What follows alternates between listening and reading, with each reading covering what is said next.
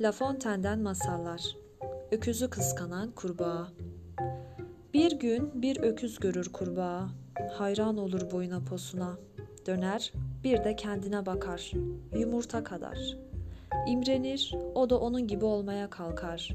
Ikınır, şişer, bağırır, öter. Bir yandan da hep, baksanıza der, yetmez mi? Olmadım mı hala onun kadar? Ne gezer derler. Peki şimdi? Hayır. Ya şimdi? Yaklaşmadım bile derler. O vakit bizimki bir ıkınır, çatır çatır çatlar. Dünya böyleleriyle doludur işte. Nicelerin gözü asilzadeliktedir. Kimininki ağalık, beylikte, kimininki şehzadeliktedir.